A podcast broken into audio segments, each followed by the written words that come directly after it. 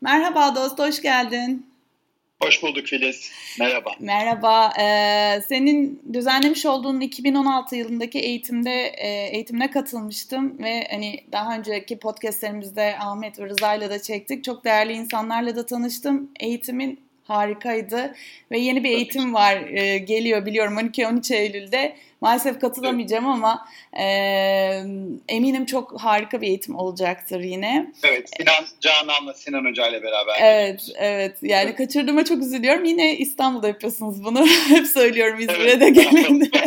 Orada oturuyoruz. evet. Ee, evet. İstanbul'da e, seni çok fazla tanıyan insan var. Her seferinde podcastlerde bunu anlatıyorum ama bizi dinleyen çok geniş bir kitle var. Onlara biraz kendinden bahsedebilir misin?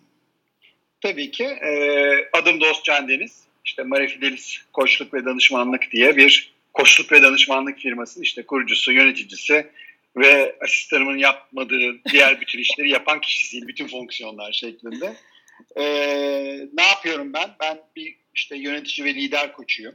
E, yönetici ve liderlere doğal olarak e, destek veriyorum nasıl bir destek veriyorum? Bu kişilerin işte lider gelişim, liderlik gelişimlerine, işte e, efendime söyleyeyim bu liderlik görevini yapar, görevlerini yaparlarken karşılaştıkları zorlukları aşmalarına, e, kurumsal gelişime, işte kurumlar içinde yaratmak istedikleri e, kalıcı değişimleri yaratmaları konusunda bunlara danışmanlık ve destek oluyorum açıkçası. Bir çeşit hani terapi yapmıyorum ama hani birazcık iş hayatındaki işte bu koşulları işte birebir e, diyalog yöntemiyle bazen takımlarla çalışarak işte bazen liderlik gelişim programlarıyla aşmalarına destek oluyorum açıkçası. Ben kendim endüstri mühendisiyim. Ee, endüstri mühendisliği yapmaya devam ediyorum aslında bence. Hani e, çünkü bu kişilerin hayatlarında verimlilik, mutluluk katmalarına e, yardımcı olmaya çalışıyorum. Ee, üzerine işletme master yaptım. Ee, üzerine finans e, sektöründe çalıştım. Ben de hazinede çalıştım. Bankaların, çeşitli yatırım bankalarının hazinelerinde çalıştım. Bayağı traderlık yaptım. Üzerine de işte Gestalt yaklaşımı daha şimdi ve burada daha bütünsel olaya bakan, daha kontekst farkındalığıyla, bağlam farkındalığıyla bakan bir ekolle e, çalışıyorum. Üzerine kendim işte e, işte meditasyon gibi işte ne bileyim uzak doğu sporları gibi işte qigong, tai chi falan gibi konu bedensel konuları da getirince hani bütün bunların bir araya geldiği bütünsel bir şekilde nasıl bakabiliriz kişiye, kişinin içinde bulunduğu ortama, işte kişilerin oluşturduğu sistem ve organizasyonlara ve bunun içinde yer aldığı bütün o büyük gerçeklik içinde nasıl bakabiliriz? Bu şekilde çalışmaya çalışan aslında bir e, hakikat arayıcısı. Aa, süper bir tanım gerçekten ve e, bireysel dönüşümü konuşacağız bugün ve bunu hem hayatında uygulamış hem e, başarmış bir e, insan. büyük, büyük bir laf bu. Kendi hayatında bunu uygulamış bireysel dönüşümü çok çok büyük bir laf. Hani Ama... onu almayayım. Üzerine çabalayan, bu yolda uğraşan, çoğu zaman kafa ve burun üstü düşen, sonra tozunu silkeleyip üzerindeki tekrar kalkmaya çalışan biri olarak tanımlamak daha doğru olacak. Podcast'in sonunda eminim benim gibi düşünen birçok insan olacaktır. Bugün biraz e, seni terleteceğim. Çünkü e, bu podcast hazırlanırken ben gerçekten e, 2016'dan beri e, o eğitimde aldığımız birçok şeyin hayatımda benim de çok etkisi olduğunu görüyorum ve gerçekten e, bendeki değişimde de çok büyük bir etkin var açıkçası. O nedenle e, umarım bu podcast'i dinleyenler de değişik e, bir adım atmış olurlar. Bir küçük bir farkındalık olur. Seni yormaya başlıyorum. Hazır mısın? Tamamen hazırım. Yani, hazırım gönder onları. Şimdi biz evet. e, dijital dönüşümde bireysel dönüşümü konuşacağız bugün ve uzun zamandır dijital dönüşümden bahsediyoruz biz aslında. Bu, bu anlamda farkındalık yaratmaya çalışıyoruz ve hayatımızın bu kadar içinde olan bu dijital sistemler bireysel ve toplumsal değişmeleri tanımlamada zorluk yaşamamıza neden oluyor. Daha önceki podcastlerimizde VUCA'dan bahsetmiştik. Sizin eğitimde de VUCA'dan bahsetmiştik ve içinde bulunduğumuz tüm toplumsal yapıların kompleks adaptif bir sistem olduğundan bahsediyoruz. Ve burada bu sistem dediğimiz şey de aslında karşılıklı bağlantılı şeyler dediğimiz bir şey. Yani bu ajanlar, e, bu bir birey olabilir, bir molekül olabilir, örgütün tamamı olabilir veya başka bir şey ki şu an aslında bu başka bir şeyi konuşacağız bugün daha çok. Ve bunlar arasındaki etkileşim de non-lineer bir şekilde gidiyor. Örgüsel yapılar içerisindeki düşünüş şekillerimiz, bugüne kadar deneyimlediklerimiz, problemlere yaklaşım tarzımız böylesi bir karmaşık yapı içerisinde çözüm bulmak için yetersiz ve basit kalıyor aslında.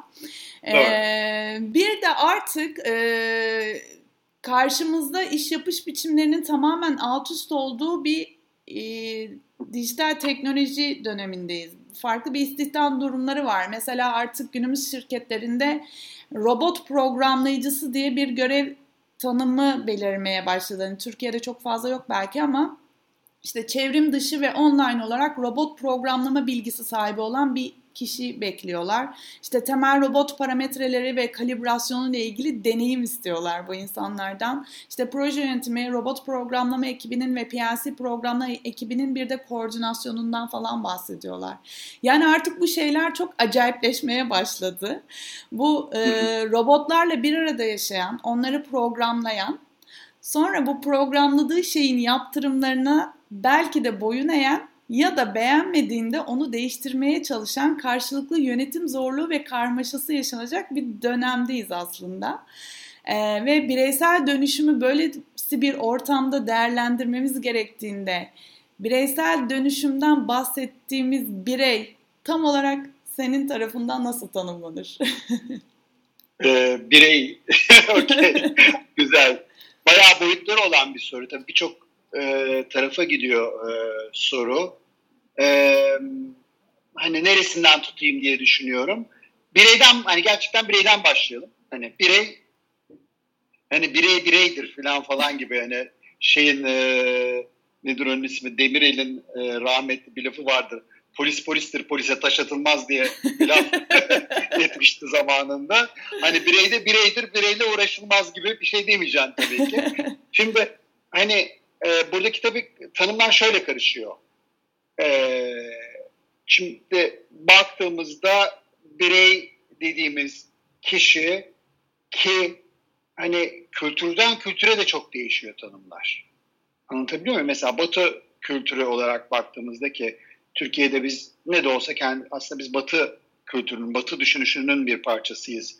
O kadar da Doğu düşünüşüne benzediğimiz taraflar olmakla beraber aslında baktığımızda bayağı batılı gibi düşünüyor insan, Türkiye'de insanlar. Kültüründen nispeten bağımsız olmakla beraber yani hangi kesimden olduğunu.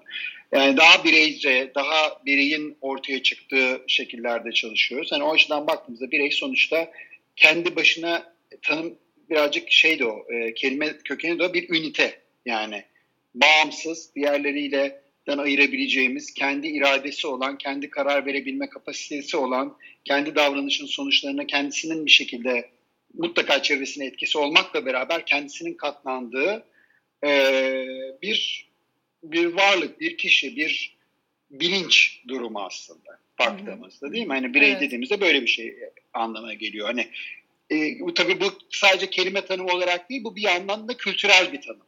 Aha, hani aha. o e, işte 20. yüzyılın işte Ayn Rand'ın da başını çekti o bireyselcilik işte bireyi ve bireyin erkini yücelten ve e, işte kapitalizmle birazcık da şey yapan e, desteklenen o hani bir fikrin varsa, aklın varsa ve bunu kullanabiliyorsan bunun sonuçlarını elde etmelisin. Bunları kullanamıyorsan da bunun tek sorumlusu sensin ve bunun cezasını da tek başına sen çekeceksin. E, şeklinde e, gelişen o felsefi akımı da veya kültürel akımı da içeren bir tanım bu. Sadece bir sözlük tanımı ve bir objektif bir tanım değil bu. Bu subjektif, kontekstüel bir tanım. Hı hı. Şimdi senin kurduğun cümlenin ilk kısmı da aslında bu konteksteki değişimlere hı hı. biraz şey yapıyor, e, dokunuyor. Yani diyor ki okay, biz kapitalist bir düzlemde işte bireyin birey olduğu, işte toplumun ayrı olduğu e, bir takım şeylere konuşuyorduk. Yani deminki e, tarımdaki o birey tanımı dediğim gibi sadece nesnel bir tanım olmadığı için yani İngilizce şeyde işte hani I, we, it diye Aha. baktığımız yani ben ki subjektif bireysel, biz ki subjektif e, yani öznel e, kolektif, Aha. it o yani ki nesnel bireysel ve kolektif olarak baktığımızda konuya yani o domain şeyler alanlar içinde baktığımızda bu birey tanımı bir nesnel bir tanım değil. İçinde öznellik içeren bir tanım. Hı hı. Hani bu birey budur dediğimizde bunun içinde bir öznellik. Çünkü bir dünya görüşü içeriyor hı hı. baktığımızda. Çünkü doğu toplumuna gidersek birey işte ne bileyim kolektif için var olan, işte toplum için var olan hani daha doğrusu doğuya gidersek derken doğu da artık batılaştı ama hani doğunun özündeki o kolektivizme gidersek hani birey tek başına bir varlığı yok. İçinde bulunduğu toplumla alakalı. E, ve bu işte ne bileyim işte batılı bir takım öğretilerin bile, ruhsal öğretilerin bile, işte ne bileyim Tibet Budizminin bile doğuya taşındığında oradaki kolektivizme, bireys, bireysellikle karşılaşınca yarattığı bir takım problemleri, işte ustaların bir takım skandallarından, işte ne bileyim işte evet. e, öğrencileri abuse etmelerinden, işte şey abuse etme İngilizce kullanmak istemiyorum işte e, kötüye kullanmalarını, öğrencinin güvenlerine, işte ister maddi olarak, ister fiziksel olarak, ister cinsel olarak kötüye kullanmaları evet. aslında belki de o iki bireysellik tanımının e, uyuşmamasından kaynaklanıyor. Hani belki e, bu bu davranışlarını doğuda gösterseler bu öğretimin bir parçası haline anlaşılacakken doğudaki batıya geldiğinde kafa önce buna uyum sağlamaya çalışıyor. Uyum sağlayamadığında da başka bir şeye dönüşüyor falan falan. Yani burada doğuda veya işte bu takım ustaları da tabii ki e, şeyleri var, hataları var. Şimdi bu şekilde baktığımızda aynı şekilde bu yeni ortama, yeni kültürel değişimin ve içinde bulunan kültürel koşulların, öznel koşulların nasıl değiştiğini birazcık anlayarak bakmak lazım herhalde. Evet. Anlatabiliyor evet. muyum? Hani muhtemelen e, buradaki bizim batılı birey, batı kültürünün veya batılı işte bireysellik felsefesinin içindeki bireyciliğin yani burada düşünmem lazım gerçekten beynim yakacak bir şekilde. Bu nasıl değişecek? Yani buradaki soru bu olacak. Biz bu teknolojik gelişmelere maruz kaldığımızda hani bu tamamen absürt işte eğer kendi başına karar almayı e, becerebilen bir işte e, yapay zeka e, makinesini biz bir birey olarak kabul edecek miyiz gibi absürt sorulara girmek istemiyorum. Ben çünkü henüz hani bu bunda da yanılmadığımı gösterilmesine tamamen hazır olmakla beraber e, gerçekten kendi kendini bilen bir bilinç var, yapay zekanın oluşabil, oluşturabileceğine inanmıyorum. Dediğim gibi hatalı yani bir kendi kendinin farkında olan yani bir farkındalığa sahip e, ki bence bireyselliğin en önemli parçalarından bir tanesi kendini bilebilmekle alakalı. Hı hı, tamam mı? Hı. Kendini bilebilen bir e, yapay zeka eğer bir gün oluşturulabilse belki ona gerçekten bir birey dememiz gerekecek ama bunun ben oluşturulabileceğine henüz inanmıyorum. Sonuçta bu yapay zekalar hala insanlar tarafından tasarlanan Kodlama. ve insanların ama tasarladıkları amaçlarla doğru ilerleyen ve kötü sonuçlar oluşturursa oluştuğunda da bu yanlış tasarımdan veya o tasarımın işte o yapay zekanın veya o e, öğrenen makinenin öğrenmeyle oluştur, oluşturabileceği sonuçları bunu tasarlayan insanların öngörememesinden aslında tasarımcı hatasından oluşacağını inanıyorum. Yani çünkü yatay bir bilinçle ulan bu insanlar manyak dur ben şunları bir kurtarayım gibi filmlerde olduğu gibi bir şeyi kendisi en azından bilinçli olarak yapabileceğine inanmıyorum. Yani aslında burada kilit nokta bilinç değil mi? Yani evet, bireyi evet, tanımlarken evet. de sen bilinç kelimesini kullandın. İşte bu yapay evet. zekanın bu bilince e, ulaşamayacağını söylüyor ama yine de birey olarak birey kimdir sorusunu birazcık sarsacak bir yapı var sanki. Doğru mu yapay zekanın? Yani e, tam bir bilince ulaşmasa bile e, daha hızlı düşünebilme, kavrayabilme gibi bir öğrenme gerçekleştirdiği için o yüzden bireyin kendini tanımlaması tanımları biraz farklılaşmaya başlayacak. Yani ben bilinçli biriyim gibi bir şey hı hı. mutlaka kullanmak zorunda kalacak değil mi? Ee, öyle görüyorum ben ama sen ne dersin? Yani en azından o bilincinin bir farkında olsa fena olmaz. şimdi e, şimdi mesela e, hani olay hani şey geliyor. Bir evet birey midir değil midir? İşte yapay zeka iyi midir kötü müdür? İşte yapay zekayı kullananlar nasıl kullanıyorlar? Vay efendim bunlar bizim politik düşüncelerimize yön veriyor. O kötü CIA, kötü karanlık güçler işte komple teorileri işte bunlar bizi kullanıyor. Böyle bir sürü şey ortada. Var, senaryo evet. ortada dönüşüyor evet. ve işte bazı kötü güçler var ve bizi kullanıyor ve o güce sadece onlar sahiptir olmakla beraber işte benim e, bir anlamda şu vergi gerçek var. Ben işte sonuçta hobi olarak işte internet, web sitesi, e-commerce hani kendim bir şey sattığım bir e, online satış sistem kesinlikle yok henüz. İnşallah bir gün olur ama bu tip konulara çok meraklı bir insanım. Hani 4 veya 5 tane web sitesi ürettim. İşte kendimin, eşimin, işte bizim Gestalt Center'ın web sitesi, aha, efendime söyleyeyim e, meditasyon hocamın web sitesini falan falan ben yaptım. Hani birebir yaptım sıfırdan. Başka hiç kimseden destek almadan falan. Ve buna maruz kaldığım için bu benim hobim olduğu için de bir takım aplikasyonlara da işte internette kurulan bir takım e, işte şey hizmetlere de maruz kalıyorum ve bir şekilde bu hizmetlerin bir grup onu gibi. Hani bunlar daha yeni kurulurken çok ucuza satın alınacak bir takım siteler var. Bir tanesi ismini e, Absumo diye bir şey. Mesela buradan geçenlerde bir hizmet satıyorlar. Hı hı. Adukko diye bir hizmet. Mı? Şunu yapıyorsunuz. Burada hani bunlar normalde aylık işte 30, 40, 50, 100 dolar vereceğiniz hizmetler. Bunlar yeni kurulurken burada hani bir gidip e, finansör bulmak yerine hem bir kullanıcı bazı oluşturacak hem de kendine finansal sağlayacak bir mekanizma kurmuşlar. İşte hayat boyu bunun kullanımını yeni gel, yeni ilk bunun abone olarak atıyorum 69 dolara satın alıyorsunuz. Hı hı. Tamam Hem bu atıyorum 10 bin 20 tane müşteri ediniyor bu adam hem de biraz para kazanıyor. 30-40 bin 50 bin 100 bin dolar bir para kazanıyor. Ondan şirkete işte aplikasyonu yürütüyorlar, işte reklamlarını yapıyorlar falan falan. Böyle bir sistem kurmuşlar. Çok güzel. Yani tamamen bu yeni çağın evet, sistemi. Evet, Şimdi ben de meraklıyım. Hep izliyorum. Bu Aduko sistemi şunu yapıyor Filiz. Ee, abonesi olduktan sonra mesela şirketinizin, kendinizin bütün sosyal medya hesaplarını bağlıyorsunuz. Tamam mı? İşte Facebook sayfanız, Instagram, Twitter ne varsa hepsini evet. bağlıyorsunuz. Ve o sayfadaki kullanıcı sizi takip eden insanların profillerine erişiyor bu sayede. Bu sistem ve o profillerin yaptığı paylaşımları inceliyor. Evet. Ve evet. kullandığı kelimeleri inceliyor. evet.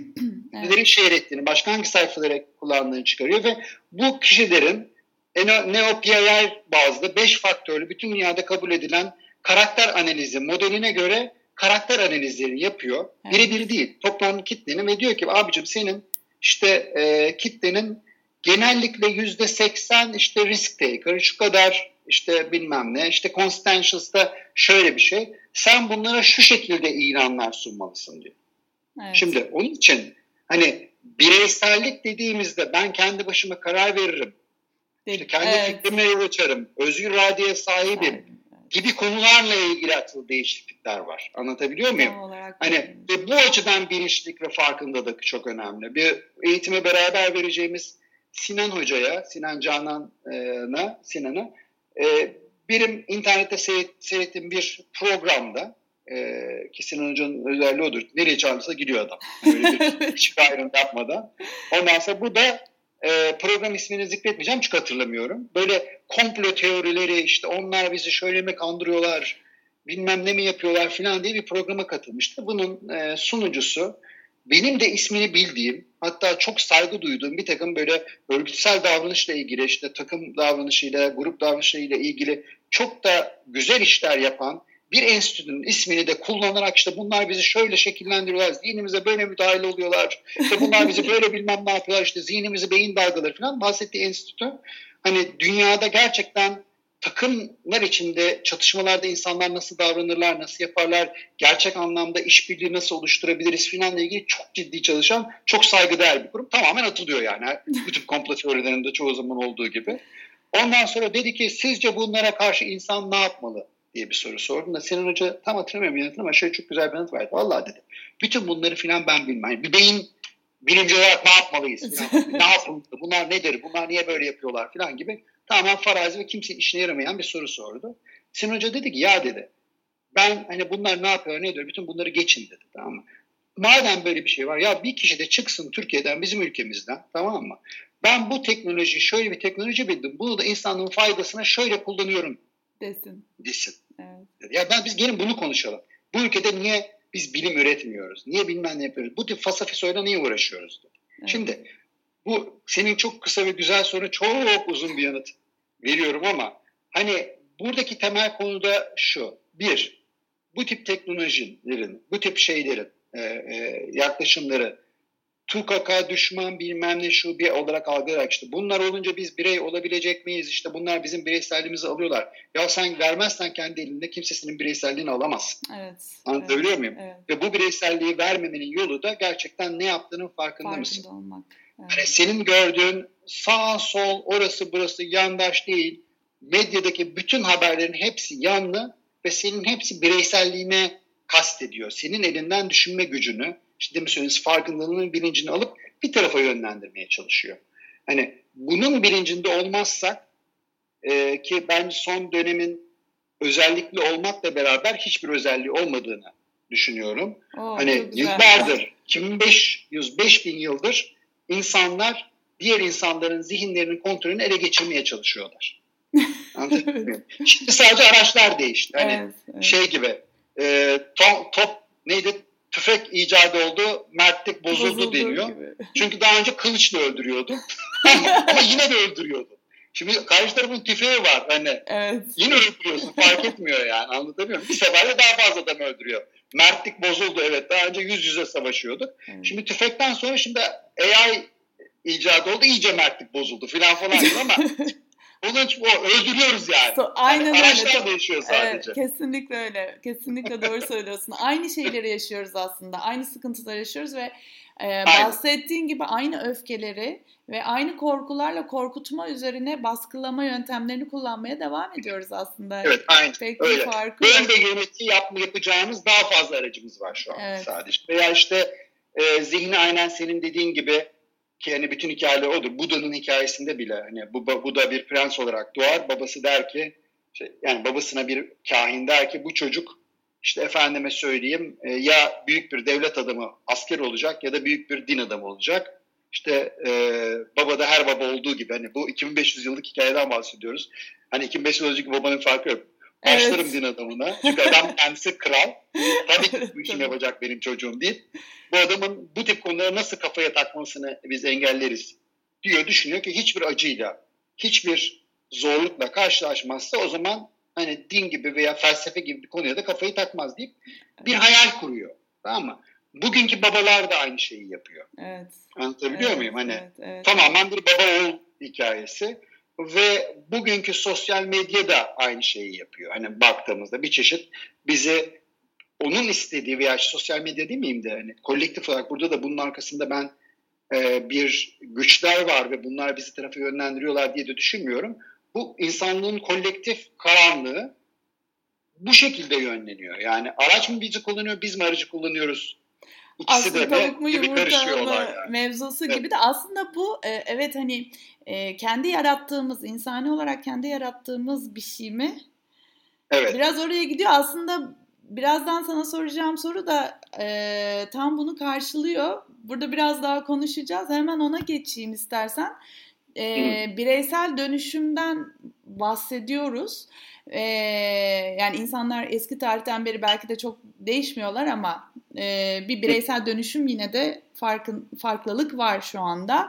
E, ama bana ilk hissettirdiği duygu işte mutluluk ve mutluluğa ulaşma yolunu bulmakla ilgili ve e, senin e, makalelerini, web sayfanı genellikle takip ediyorum ve çok güzel bir açıklaman var. O beni çok etkilemişti gerçekten. O yüzden buraya direkt aldım. O anda olmakta olanı başımıza geleni olduğu gibi yorumlamadan görmek, onu olduğu gibi kabul etmek, razı olmak ve sonra o durumla ilgili yapabileceğimiz, yapmamız gereken ne varsa onun sorumluluğunu alıp yapmak ve yine sonuçlarına takılmadan çünkü sonuçlar bizim kontrolümüzde ve elimizde değil. Yani güç bizle beraber bin bir koşula bağlı. Az önce senin söylediğin gibi hani gücü Evet. oluşturmak aslında bin bir koşula bağlı. Ama olan olduğu gibi görmek ve yanıt vermek bizim sorumluluğumuzda. Tek gücümüz, tek mutluluk imkanımız da burada demişsin. Ve buna bağlı Evet. olarak ben şunu soruyorum. Böylesi bir dijital dönüşüm ortamında da aynı sonuca mı varmalıyız? Yapay zeka.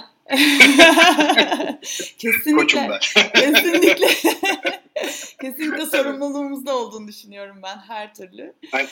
Ee, yapay zeka durumları kontrol ediyorsa ve bunu kendi yarattığımız bir tanrı, singularity Hı hı. diye adlandırdığımız, hala bin bir koşula bağlı mı olmuş oluyor? Yoksa bu gücü yaratan ve yöneten güç zaten bizim ürünümüz değil mi? Evet, sence? ee, yani şöyle Harari'nin bir kitabında okumuştum çok etkilenmiştim açıkçası orada. Hayvanlara yapılan eziyetlerin farkında olup hala onlara eziyet yapmaya devam ediyoruz. Aslında her evet. olan kötü şeyin sorumluluğu bizde. Bilsek evet. dahi e, ne evet. olduğunu görebilsek dahi davranışa dönüştürüp sorumluluğu alıp değiştirebilmek için herhangi bir çaba sarf etmiyoruz. O yüzden de şu anda şu an burada yaşanan her şeyin sorumluluğu biz insanlığa ait olduğunu düşünüyorum. Ama bu bireysel evet. mi toplumsal mı? Yapay zeka ile bu nasıl değişir konusunda senin fikirlerini alayım. Evet. Var, tabii yine çok boyutlu bir soru. Hani e, şunu söyleyeyim. Bir birkaç şey. Benim de çok eğitimde kullandığım bir şey var. Bu e, Darren Brown diye bir adam var. Şey, e, bir İngiliz e, mentalist hatta e, Netflix'te bir şey var şu anda. E, bir e, dizi mi? Nedir, hani, belgeseli var. Belgesel. Bir belgesel var. Birini nasıl katil yaparsın. Yani normal bir insan nasıl hmm. beynini yıkayarak katil yaparsın şey yapıyor. Adamın daha önce Discovery Channel'da galiba bir programı vardı. E, ve Darren Brown şunu inceliyor açıkçası. E, hani bir hani bir hipnoz sanatçısı, bir gerçekten manipülasyon sanatçısı ve bütün derdi insanların ne kadar kolay manipüle edildiklerini anlatıyor. Farklı Anlatıyor. farklı yani, belgeseller değil mi? Böyle e, farklı konuları işledi. Evet evet sanırım izledim. Evet, evet, evet. öyleydi. Şimdi yani Netflix'te bu bir dizi mi bilmiyorum ama bir tane belgesi var. İsmini hatırlamıyorum. Tamam. Neyse. Darren Brown diye Hı-hı. arayınca çıkıyor. Ee, ve bunun işte daha önceki o şovunda bir şeyi ben e, seyretmiştim. İşte adam e, işte bu sub subliminal pazarlamayla insanların nasıl etkilendiği filan üzerine ya dedi işte biz hani bunları hadi şeyi çevirelim biz reklamcılara bir oyun oynayalım diyor. İşte iki tane reklamcıyı alıyor. Aha, Ondan evet. birilerinden biliyorsunuz evet, evet, işte evet. ve bir yoldan Londra'da geçirip bunlara işte bir ofise getiriyor. Orada bir iş veriyor bunlara. Bir evet, evet. hayvan dükkanı ile ilgili bir yarım saat içinde bir şey yaratın. Bir resim, bir slogan ve bir isim yaratın diye ve daha önceden onun tasarladığın hemen hemen aynısını yaratıyor adamlar. Sonra evet. nasıl yapıldığını gösteriyor ve işte onları bir yoldan geçirmiş. İşte orada kullanılan ayı figürünü bilmem kaç kere görmüşler. İşte hayvanat bahçesinin önünden geçmişler. Orada hayvanat bahçesi resmi kullanmışlar. İşte e, Creature Heaven ismini bunlara şey yapmış yani yaratık Yarat, evet. e, cenneti ismini empoze etmişler. Onlar hayvan cenneti ismini evet. koymuşlar filan falan gibi şeyler.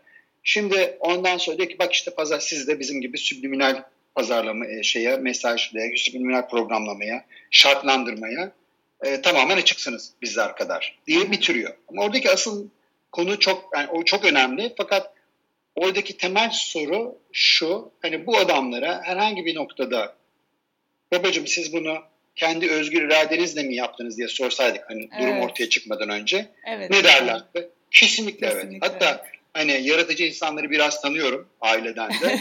Bunun öyle olmadığını yok canım siz buna esinlenmişsiniz deyince kavga çıkardı yani evet. biliyorum. Ondan sonracığıma. Fakat gerçek öyle değil. Bir özgür irade söz konusu değil. Tamamen şartlanma sonucu bunu yapıyorlar. Ve bu şartlanmanın farkında değiller. Özgür iradeye sahip değiller. Evet. Buradaki soruyu ben eğitimlerde onu soruyorum. Bu kişilerin bir özgür iradeye sahip olabilmeleri için yani farklı bir şey yaratabilmeleri için ne yapabilmeleri gerekiyordu diye soruyor. Tamam. Ona bir yanıtı var mı senin? Ne yapabilmeleri gerekiyor? Yok şu anda. Yani mesela bu şeyi nasıl üretiyorlar? O bir takım imajları görüyorlar. Hı hı. Tamam mı? Fakat gördüklerinin neyi gördüklerinin farkında değiller. Değiller, evet. Ama onu gördüklerinin eğer farkında olabilselerdi, yani ayıyı gördüklerinde ayıyı gördüğünü, işte ayı derken ayı resmini, işte o mesajı Creature Heaven yazısını gördüğünde bilmem kaç kere ya lan ben bu yazıyı üçüncü kere görüyorum ya beşinci kere görüyorum. Aynı figür beşinci kere görüyorum. İlginç falan diyebilselerdi karşılarına böyle bir iş verildiklerinde ha demek ki böyleymiş. En azından hani şaşırmazlardı. Aa bizimkinin aynısını yaratın. Adamlar önceden belirledin aynısını yapmışız vay be filan. Burada bir büyü var filan demezlerdi. Ha demek ki siz bize bunları beslediniz. Biz de bunları yarattık. Bak çok ilginç filan derlerdi veya şunu diyebilirlerdi en azından. Ya yolda gereken bir sürü bir sürü imaj gördük. Bunlar da güzel imajlar. Biz bunları kullanalım mı kullanmayalım. Heh, evet, Anlatabiliyor evet. muyum? Yani şunu demeye çalışıyorum. Eğer sen o anki üzerindeki şartlanmaları tamam mı? E, Bu şartların bir bölümü kısa vadeli, işte son yarım saat da yolda gördüklerim. Bir bölümü de bir ömür boyu hatta ömrümü de aşağı genetik aktarımla, kuşaklar arası aktarımla aktarılan bir sürü şartlanma var. Belki 2500-3000 yıllık şartlanma var. Sonuçta Bulan'ın babası da oğlu için aynı şeyleri istiyordu. Şu anda evet. benim babamla. Onun babası da çocuğu aman bir acı falan görmesin de kafayı takmasın böyle evet. şeylere. Aile mesleğimizi sürdürsün diyordu. Anlatabiliyor muyum? Veya benim istediğim gidip doktor olsun demiyor, kral olsun diyor yani. Farkı yok. Anlatabiliyor muyum? Sonuçta bu şartlanmanın farkında değilsen o anda, bunu genel olarak kavramsal olarak farkında olmaktan bahsetmiyorum. O anda şimdi burada farkında değilsen senin geçmişten getirilen şartlanmaları geleceğe taşımaktan başka hiçbir şansın yok. Tamam. Bu açıdan da kendini bir birey, yani demin ki tanımda özgür iradeye sahip bir birey, farkındalığa sahip bir birey, bilince sahip bir birey sanabilirsin ama aslında otomatsın. Evet. Ve de dün de otomattın, 100 yıl önce de otomattın, 1000 yıl önce de otomattın, 2500 5000 yıl önce de otomattın. Anlatabiliyor muyum? Onun için bu yeni teknolojiler bunun sadece yöntemlerini birazcık daha keskin hale getirdi aslında baktığında ve daha kısa dönemli hale getirdi. Daha uzun dönemde çalışan bütün toplum zaten seni şartlanmaya ve uzun dönemli bir şartlandırmaya çalışıyordu. Ailenden başlayarak, okullarından başlayarak. Buna işte bir de sosyal medyaydı, şuydu buydu filan falan hani ve de aynı şeyi, aynı mekanizmayı kullanıyor bir parçada. işte mahalle baskısını kullanıyor. İşte haz beklentisini kullanıyor. Acıdan kaçma beklentisini kullanıyor. Rekabeti kullanıyor. Aynı psikolojik yapıyı kullanıyor. Aynı karanlığı, aynı gölgeyi kullanıyor. 2500 yıl öncekiyle veya işte onu da geçtim. İşte Habil ile Kabil arasındaki tamam mı? Sonuçta insanın yaratılışındaki o kıskançlığı, daha güzeli, daha bilmem neyi kendine layık görme, işte e, o rekabetin aynı mekanizmasını kullanıyor aslında baktığımızda.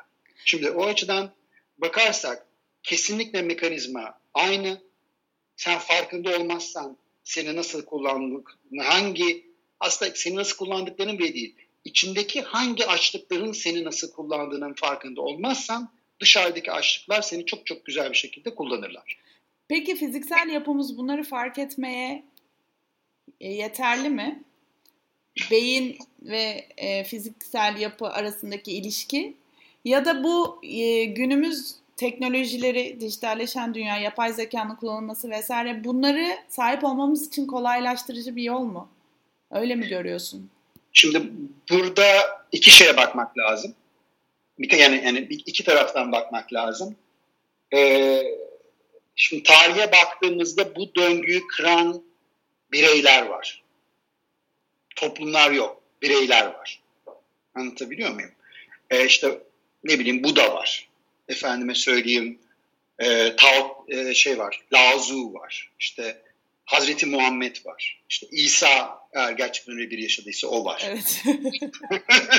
ben biliyorum. Hazreti Muhammed'in yaşadığına eminiz. Hazreti evet. İsa diye biri yaşamış muhtemelen ama, ama biz anlatan evet. İsa değil çünkü oradaki anlatılan öğretiyi de adamlar alıp bir kontrol mekanizmasına çevirmişler. Muhtemelen Musa diye biri yaşamış ve sonuçta bunların hepsi sembolik hikayelerle bize o dönemin evet, toplumunun anlayabildiği dilde aktarılmış.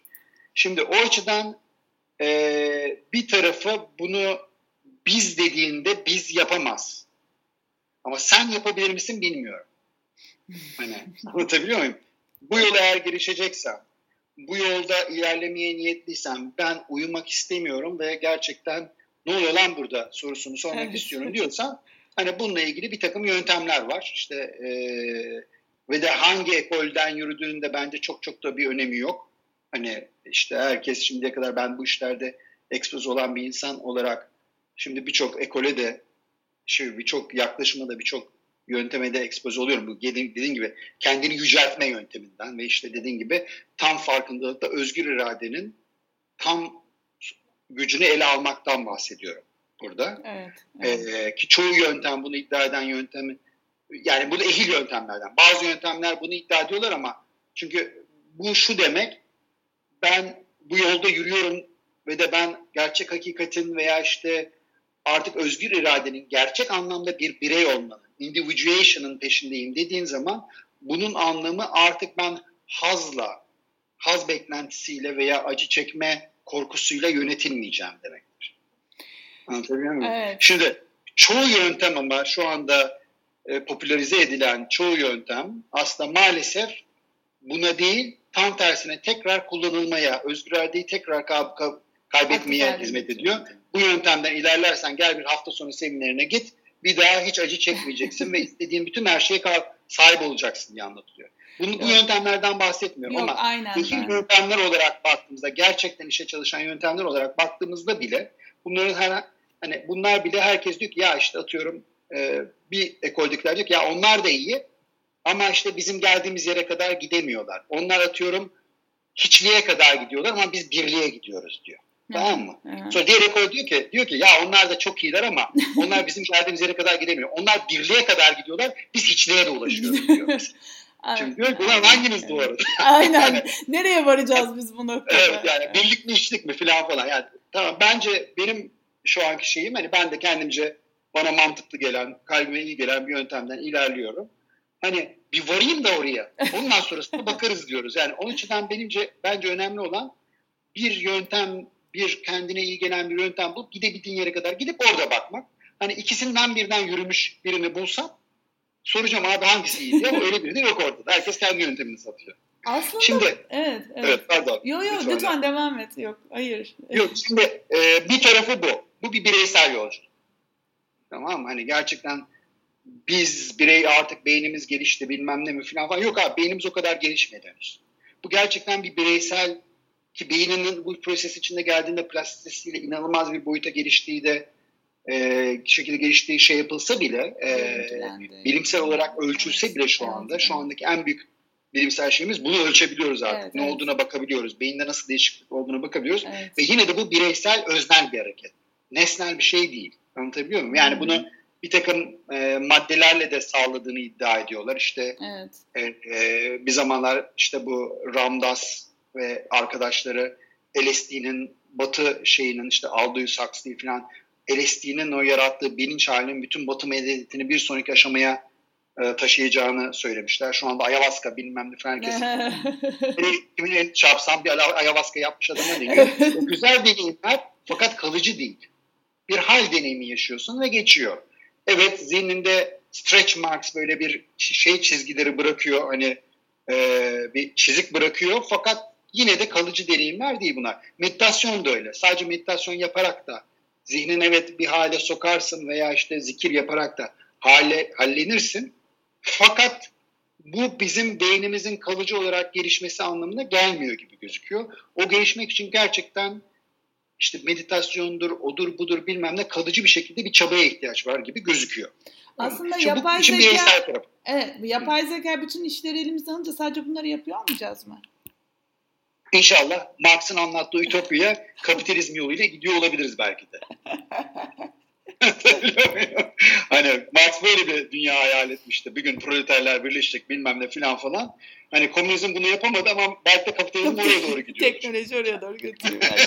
yani bir anda gerçekten o kadar çok yiyecek olacaktır ki öyle bir şey gibi gözükmüyor. Ön başta bizim bunu bir nüfus artışı ve problemini çözmemiz lazım. Yani nüfus o ayrı bir konu oraya girmeyeyim şimdi. Neyse bir de işin ama diğer tarafı var. Bir yandan da baktığımızda insanın da gerçekten sosyal, moral, fiziksel olarak bir ileriye doğru gidişi de var. Hani kolektif olarak da bir doğru gidiş var. Sonuçta bir zamanlar insanlığın nüfusunun yüzde doksanı egosantrik, ego merkezci bir dönemdeyken hı hı. işte o sonra daha fazla geleneksel düşünceye evrilmiş. Hı hı. Geleneksel düşüncenin sınırlarına gelip de çünkü bu hani öyle hani ego, ego merkezci düşün veya işte önce klanmışız. Evet, işte evet. büyü top bilmem ne filan. Bu şekilde hayat kalma, hayatta kalma imkanı artık zorlaşmaya başlayınca bir şekilde beyinde yeni kapasiteler ortaya çıkıyor ve biz şeye dönüşüyoruz. İşte egosantrik bir şeye dönüyoruz. Hani egocu e, kişinin bireyin işte daha karanlık gücüyle harekete geçiyoruz. Bakıyoruz o artık hayat insanlığın varlığını tehdit etmeye başlıyor. Cengiz Hangi çıkıp dünya nüfusunun yüzde 25'ini öldürüyor falan. Lan bu böyle olmayacak deyip geleneksel. İşte şimdi öldürme abi. Hani veya işte şimdi komşuna saldırıp işte toprağını, karısını, kızını alma. E alırsan bak seni çok kötü yaparız öteki tarafta. Ama almazsan 72 uri ve gökyüzünde sana bilmem neler otlaklar diyeceğiz falan falan diye geleneksel dönem başlıyor. E bunun da sınırına gelip millet e, kilisede e, sarı hummada da işte yaparak, dua ederek onun da hani gerçekten o karanlık orta çağda artık hani insanlığın varoluşu tehdit olunca biz modern döneme geçiyoruz. İşte o Orada iki da, dünya savaşı, savaşı evet, yaratıp da evet. gerçekten bizi tehdit etmeye başlayınca şimdi postmodern döneme evet. geçtik.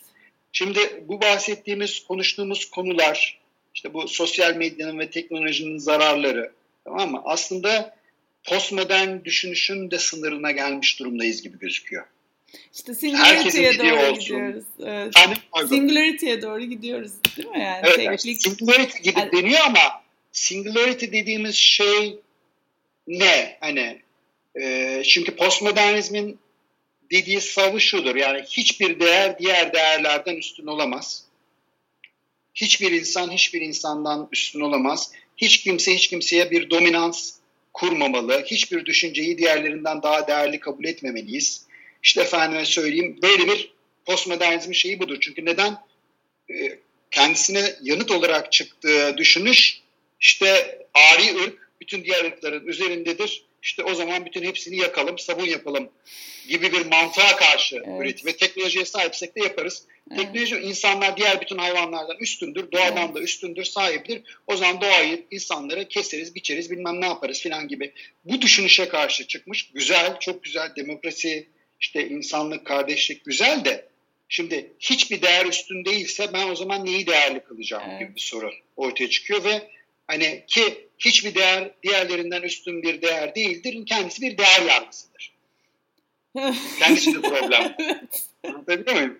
Ve buna karşı çıkarsan bu adamlar seni çarmıha gerer. Bir dakika benim değerimde bu benim değerimin daha üstün oldu. Şimdi böyle olunca erdem gibi konular ortadan kalkıyor. İşte ne bileyim işte bireysellik tehdit altına gibi. Daha bireysellik e, bireyselliğin zombisine dönüşüyor. Ne oluyor? Hiçbir değer hiçbir değerden üstün değilse bu bizi nihilizme götürüyor. Hı hı. Hiçbir şey değeri yok. Yani hiçbir şeyin anlamı yok.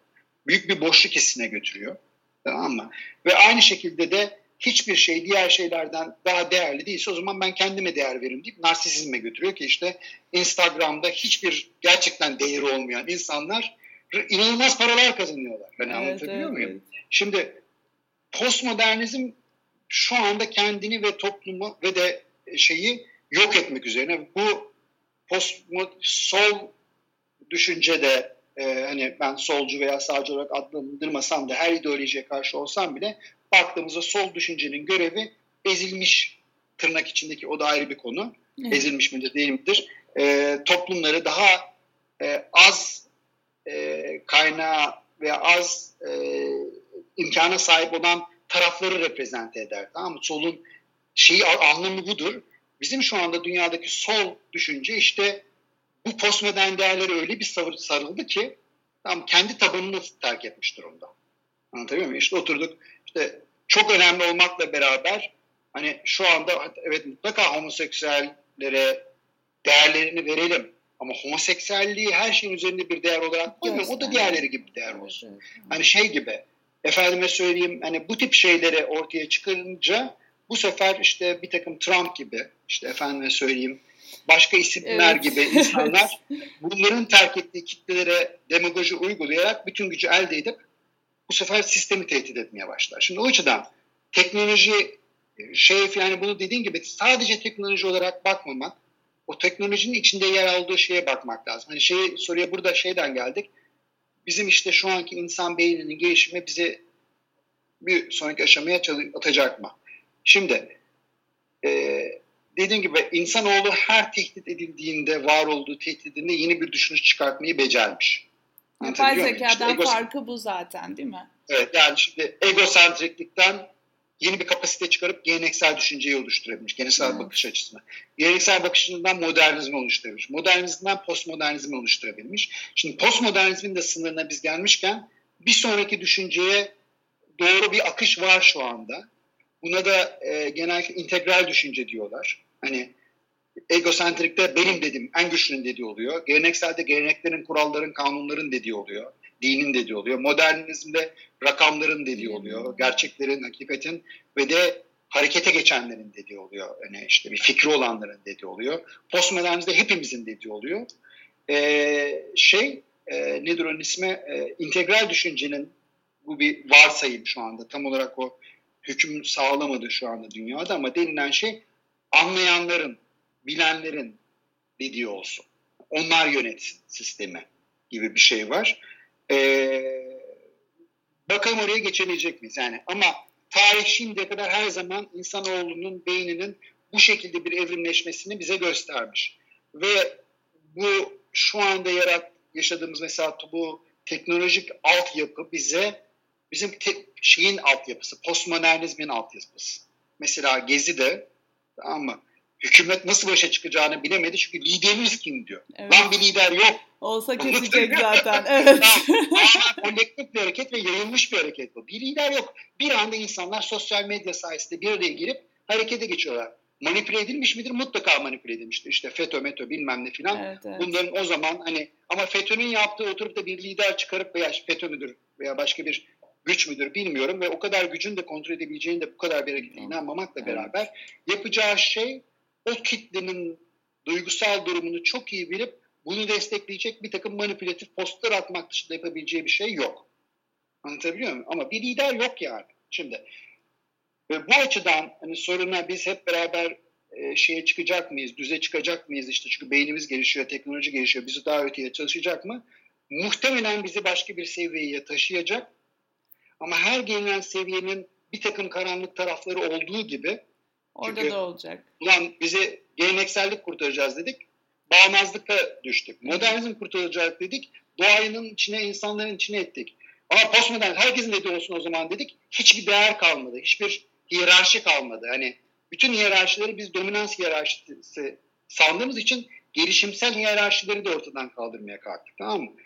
Mutlaka integralinde bir karanlık tarafı olacak ve de o karanlık taraf bizi acayip canımızı yakacak şimdiye kadar olduğu gibi. Ama o integralin üstü yok. O, onu ne yapacağız? Onun da üstü olduğu iddia ediliyor. İddia ediliyor mu? işte, hani, bu daire Hazreti Muhammed'de falan gibi e, tarihte buraya ulaşmış kişilerin ki mesela ben bunu söylediğim için bile bu cümleyi ikisine aynı cümlede kullandığım için bile Budistler ve Müslümanlar bana düşman olabilirler. bir dakika bizimki daha üstün diye. Anlatabiliyor muyum? Aynı anda evet, ikisini birden evet. mutsuz edebilirim. Az önceki örneğe karşılık. Evet. Aynen. Ee, e, bunların daha aşkın zihin hallerine, bütün tamamı ve hakikati ve kendilerinin hakikatini gören zihin hallerine ulaştıkları iddia ediliyor. Fakat bunlar bireyler. Bunlar topluluklar ve toplumlar ve insan toplumu değil. O zaman şu bireysel dönüşüm gerçekten ve gerçekten ve gerçekten çok önemli. Değil mi? Aynen. Dönüşüm bireysel olur. Evet. Kolektif dönüşüm olmaz. Evet. Yani sizin 12 Eylül'de açmayı planladığınız eğitim programı da bu değişim, gelişim ve ilerleme nin bireysel bir çalışma içerisinde evet. olduğuyla alakalı olacak değil mi? Yani hem öyle hem hayır. Hem evet hem hayır. o bu, zaman tamam hemen cevabı alayım senden. yani oraya girince o seviyeden bakınca hiçbir soruya hani öyle mi olacak böyle mi olacak sorusunun tek yanıtı oluyor evet. öyle mi olacak böyle mi olacak tekrar sorayım onu. evet. Çünkü hani e, orada bizim işleyeceğimiz şey şu olacak. Bir bir kere bu dönüşen şey ne bir onu anlamak lazım. Hani evet. evet. Biz evet. E, işte dediğiniz gibi geçmişten gelen şartlanmalarımızı mı e, şey yapacağız, dönüştüreceğiz. Yani ne yapıyoruz, dönüştürecek şey ne, ben dediğin şey ne?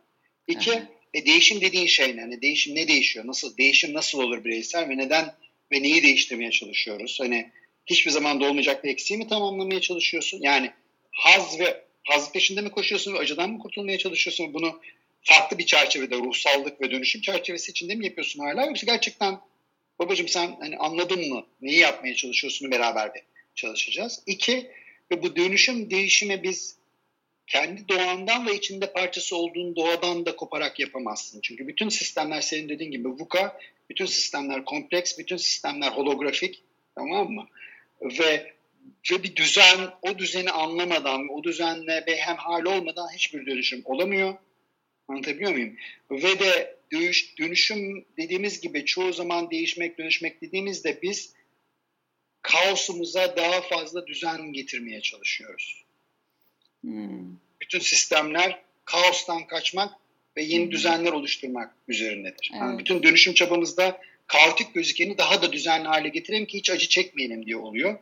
Ee, ve dünyadaki bütün sistemler kaotik. Hani evet. e, yani bu, o, kompleks adaptif yani. Aha, tamam mı? Aha. O kaotikliğe razı olmadan gerçek anlamda dönüşüm olamıyor. Kaotikle razı olmadığın, düzen getirmeye çalıştığın değişimler teknik değişimlerdir. Yani teknik problemlerdir. Uzmanlıkta çözersin. Düzen sağlayarak çözersin.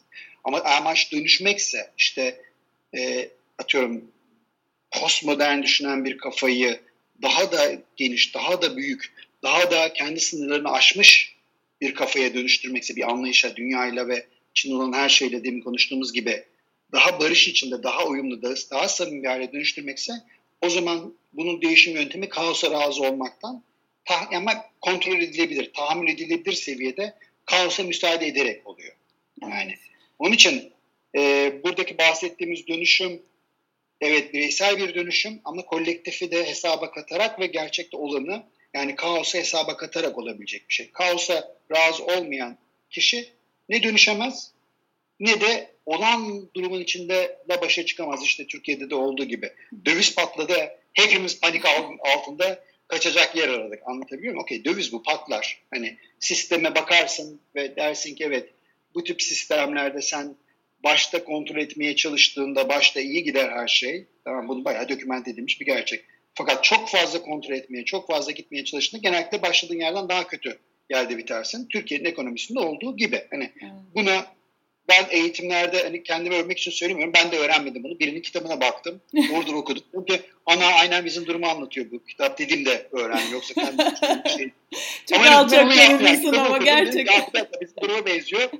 Abi biz çok kötü e, bir yere doğru gidebiliriz burada. Eğer baştakiler ve ülkeyi yönetenler derken burada politik görüş sanmıyorum. Dünyayı her yönetmeye kalkan bir süre sonra kendisinin yaptığını sanır. Bu bizim için geçerli olan bir şey değil. Bir politik görüşle alakalı değil. Şimdi hükümet değişip de yerine başka bir hükümet gelince onlar da aynı tuzağa düşecekler. Bu bir insan tuzağı. Onun için hani bunları eleştiriyorum da diğerlerini savunuyorum diye anlaşılmasın. İnsanlık halinden işte Hitler de aynı tuzağa düşmüştür. İşte en iyi yönetici dediğin Atatürk de aynı tuzağa düşmüştür. Hepsi düşer. Bütün insanlar düşer. Ama sonuçta sen böyle bir şekilde kontrol etmeye başlarsan bazen işler, çoğu zaman işler kontrol, bunun kaosunu görmezsen ve kaosa rağmen düzen kurmaya kalkarsan o kaos gelir seni bir sağa bir sola vurur en sonunda. Başta iyi gidiyor gibi gözükür. Ve bunun tarihte milyonlarca örneği var. Yani aslında bu kadar geniş ve kapsamlı olarak anlattığın şeyi farkındalık kelimesine dönüştürdüğümüzde çok basitleştirmiş oluyoruz. Aynen. Ee, son cümle evet. diyor ki benim hocalarımdan Ronald Heifetz bütün liderlik hataları teşhis hatasıdır diyor. Tamam, teşhisi doğru yapamazsan o sistem senin e, podcastinde küfür etmeye müsaade var mı? ya, ya tabii ki de her türlü Ama anladık hepimiz. Çok olmadı vallahi. Yani. Durum bu. Süpersin. Ağzına sağlık. Çok teşekkür ederim. Ee, dediğim gibi farkındalık kelimesi burada çok hafif kalmış oluyor ama yine de kendimizi ifade Yok, etmek çok için ağır. bu, bu Bak, kelimeyi kullanmamız gerekiyor. Çok ağır. Aynen Benim, öyle. Senin Hoca yapacağımız iki günlük eğitiminde aslında özeti o. Evet. O farkındalığı ve o yönelimi de. Hani bir de şeye de ihtiyaç var. Hani bir ne yapıyoruz ben bunu nasıl yapıyorumla ilgili bir amaca ihtiyaç var. Hani bir yere gitmek için iki şeye ihtiyacım var. Bir nereye gideceğini bileceksin. Bir de nerede olduğunu bileceksin. O iki günlük çalışmada biz bunu çalışmaya çabalayacağız. Daha doğrusu biz ikimiz kendimizde sohbet edeceğiz. Diğer insanları da o sohbete katmaya çalışacağız yani. Muhteşem bir eğitim olacağına eminim. Ee, umarım bir gün İzmir'de gerçekleştiririz bilmiyorum ya da buralarda evet. Olur olabilir Güzel valla. bakın yani hani hep söylemeye çalışıyorum işte e, güzel oteller var hani deniz kenarında vesaire çekmeye çalışıyorum işte. E, Dost çok teşekkür ederim. İnanılmaz bir sohbetti. E, çok keyifli bir eğitim olacağını da eminim. E, son yani ben hazırladığım bütün soruları çok dolu dolu ve çok içtenlikle cevap verdin. E, son olarak eklemek istediğin bir şey var mı? Burada. Bir, yani de... şöyle gençlere ya da insanlara ya sadece gençlere dedi hepimiz hani çok basit değil tabii ki de bu konuştuklarımız çok uzun soluklu bir şey ve yeni yeni kavramlar geliştirmek ve anlam katabilmek için yeni bir şeyler yaratmak gerekiyor ama yine de biraz böyle ipucu, eylem haritası çizmek için birkaç bir şey söyleyebilir misin, söylemek ister misin yani hani? Evet, son cümle şu olabilir belki. Hani burada şeye katılıyorum ben e, bu aralar takip ettiğim ve de bu gerçekten çok yanlış bir şekilde eleştirilen bir e, kişi var aslında o da bu integral düşünün bir parçası ama o düşüncesi şey gibi gözüküyor insanlara. Daha gerici gibi gözüküyor. Hiç alakası yok adamın. Bir Jordan Peterson diye bir e, Kanadalı psikolog var bu aralar. Acayip yani internette onun üzerine yürü dönen kavganın haddi hesabı yok. Bir taraf ona alt-rightçı diyor işte bu sağcıları şey yapıyor işte bilmem ne. Tam tersini söylüyor adam da hani adam aslında bütün izimlere karşı. Onun söylediği bir laf var. Diyor ki e, hani o özellikle oğlan çocuklarını için bunu söylüyor. Hani genç erkekler için söylüyor. Bence bütün hepimiz için geçerli olan, kadın erkek herkes için geçerli olan bir şey. Bu postmodern nihilistik, narsistik yaklaşımın en büyük problemi içinde bulunduğu çok büyük faydaları olmakla beraber tamam hani evet ırkçılığı ortadan kaldırıyor, işte sınıf eşitliğine çalışıyor falan falan ama en büyük zararı gerçekten insanların ellerinden anlamı alıyor. Hiçbir şeyin anlamı yok. Hiçbir evet. değer daha değerli değil. Tamam. Onun için ben gençlere, özellikle gençlere söyleyeceğim şey, yani bir anlam tanımlamanı bulmanız lazım. Evet. Hani yani gerçekten ben ne yapacağım? Hani bu anlamı istediğin her şeyde bulabilirsin. Hani e, ben e, hani ben benim kendimce anlamlarım var. İşte ki bu anlamda değişebilir. Hani mesela web sitemdeki temel cümle benim. Hani yaşam yeteneklerin bir kutlaması olarak yaşanmalıydı ve buna hizmet ederek çalıştım. Ve mesela şu aralar daha fark ettiğim şey yeteneklere bağlı kalmak bir süre sonra çok ciddi kısıtlayıcı bir hale geliyor. Yani insan hmm. yeteneklerinden de vazgeçebilmeli diye geliyorum şu anda. Wow. Anlatabiliyor muyum? Evet. Yani yetenekleri evet. hani orada İngilizcesi çünkü life is to believe as a celebration of our gifts aslında. Yetenek değil, gift. Aha, lütuflar. Aha, yani verilen o gift her şeyi kapsıyor. O anda şu anda burada olan her şey. Ama sen onlara bağlı kalırsan o da bir haz alma aracına dönüşüyor. Wow. Mı? Evet. Onun da ötesine nasıl geçirizi ben düşünüyorum ama ama o cümle benim 20 yıl taşıdı. Aha. Yani 18-19 yıl taşıdı. Ve bir anlam verdi. Ve o yüzden o olduğu için bir sürü abuk subuk şey yaptım. Bazı işe yaradı, bazı işe yaramadı ama harekete geçirdi. Onun için şu anda ben dünyada, gençlerde e, çok ciddi bir anlam problemi olduğunu inanıyorum. Bunun en temel nedenlerinden birinin e, bu postmodern düşünüşün karanlık tarafı olduğunu görüyorum. Hı hı. Hani hı hı. hiçbir şeyin değeri yok. Hani hı hı. daha sonra da her şey birbirine eşit deniyor ama onun çıktığı yer hiçbir şeyin değeri yok. Yok abi. Bazı şeyler diğerlerinden daha eşit gerçekten. Hı hı. Bu şu demek değil. Beyazlar siyahlardan, Türkler Kürtlerden, efendime söyleyeyim şu siyasi görüşe sahip olanlar bu siyasi görüşlerden daha üstün anlamına değil. Hayır. Daha büyük resmi görebilen, zihnini daha geliştirmiş olan, daha anlamlı bir hani neyse anlamlı taş bir ülkeye kendine şey olan tamam mı? Bunu göremeyenden daha fazla söz hakkına sahip. Ve daha daha doğrusu daha fazla imkana sahip. Ama o açıdan bir bir anlam önemli. Ne için yapıyorum, ne yapıyorum ve burada da Viktor Frankl'ın e, cümlesi önemli bu e, zamanda işte Auschwitz'te kalıp da hayatta kalabilen ve e, ve logoterapi, anlam terapisi akımını kuran Viktor Frankl diyor ki tüm bunların anlamı ne diye sorduğunda soruyu sorduğun kişi kendinsin diyor. Hı hı. Hani sana biri gökten ziminle, zembille gelip anlam vermeyecek. Hı hı. Hani hı hı. sen vereceksin o anlamı. O anlam çok büyük ulvi bir anlam olabilir. İşte ne bileyim dünyaya barış getireceğim falan diye Allah kolaylık versin. Veya işte yok abicim ben gerçekten iyi bir aile babası, iyi bir eş, iyi bir genel müdür. Bu kadar basit bir şey de olabilir. İyi bir mühendis olacağım da olabilir. Hı hı. Anlatabiliyor muyum? Evet. Ama bir anlamın olsun, bir amacın olsun. Bu yoksa hayat gerçekten çok nihilistik ve narsizme açık bir yer. Doğru. Çok doğru. Yani, evet. yani kendinden büyük bir şeyin parçası o. O zaman yani bu parça evet. Evet. Evet, Öyle. Evet. Yani Özeti bir bu anlam yani. bul. Evet, bir anlam bul ama bu anlam için mutlaka eyleme geçmek, denemek, Tabii. bu anlama ulaşmak için denemek ve büyük resim dedin. Gerçekten e, o büyük resmi evet. görebilmeye çalışmak ya da hani tam görebilebilir. Evet. Şöyle söyleyeyim. Eğer eyleme geçirmiyorsa benim anlamım bu dediğin şey o anlamın değildir. Senin sen onu kendin kabul etmemişsin daha. Hani hani anlamı doğru hayatımın amacını bulamadım anlamında değil. Hayatın amacını sen tanımlıyorsun. Kimse sana hayatın amacı hayatın bir tane amacı vardır son ermek. Başka bir amacı yoktur. evet. Ondan kaçışı yok zaten yani. Oturup onu mu evet. bekleyeceksin yani mesela? Evet, onu sen bir amaç anlam vereceksin. Ee, eğer eyleme geçmiyorsan o ifade ettiğin anlamı ve e, şeyi, amacı sahiplenmemişsin demektir. Yoksa o anlam zaten seni harekete geçirir. Çok teşekkür ederim dost. Ağzına sağlık. Saatlerce dinleyebilirim. Eminim. Ay sağ ol. ben de neler dediğime şaşırdım ya. Dur. Bunları Bunları... oldu. Evet evet. Ben bir ders notu olarak çıkarabiliriz. Zaten bu podcastleri çekmemizdeki temel amaç da bu. Artık hani e, birilerinin tavsiye vermesi, birilerini dinlemeye gitmek ya da bir sınıf içi eğitimler vesaire değil. Artık her an her yerde her şekilde öğreniyoruz ve e, Bunlara ulaşma yöntemleri artık çeşitleniyor. Bu podcast de bunun için. Yani bugün dinleyeceğiz, yarın bir daha dinleyeceğiz. Üçüncü gün dinlediğimizde farklı notlar almaya başlayacağız. Söylediğin yolları farklı farklı araştırmaya başlayacağız ve karşılıklı etkileşim haline geçmeye başlayacağız. Bu podcast'i dinledim, şunları öğrendim, bir de şu varmış gibi.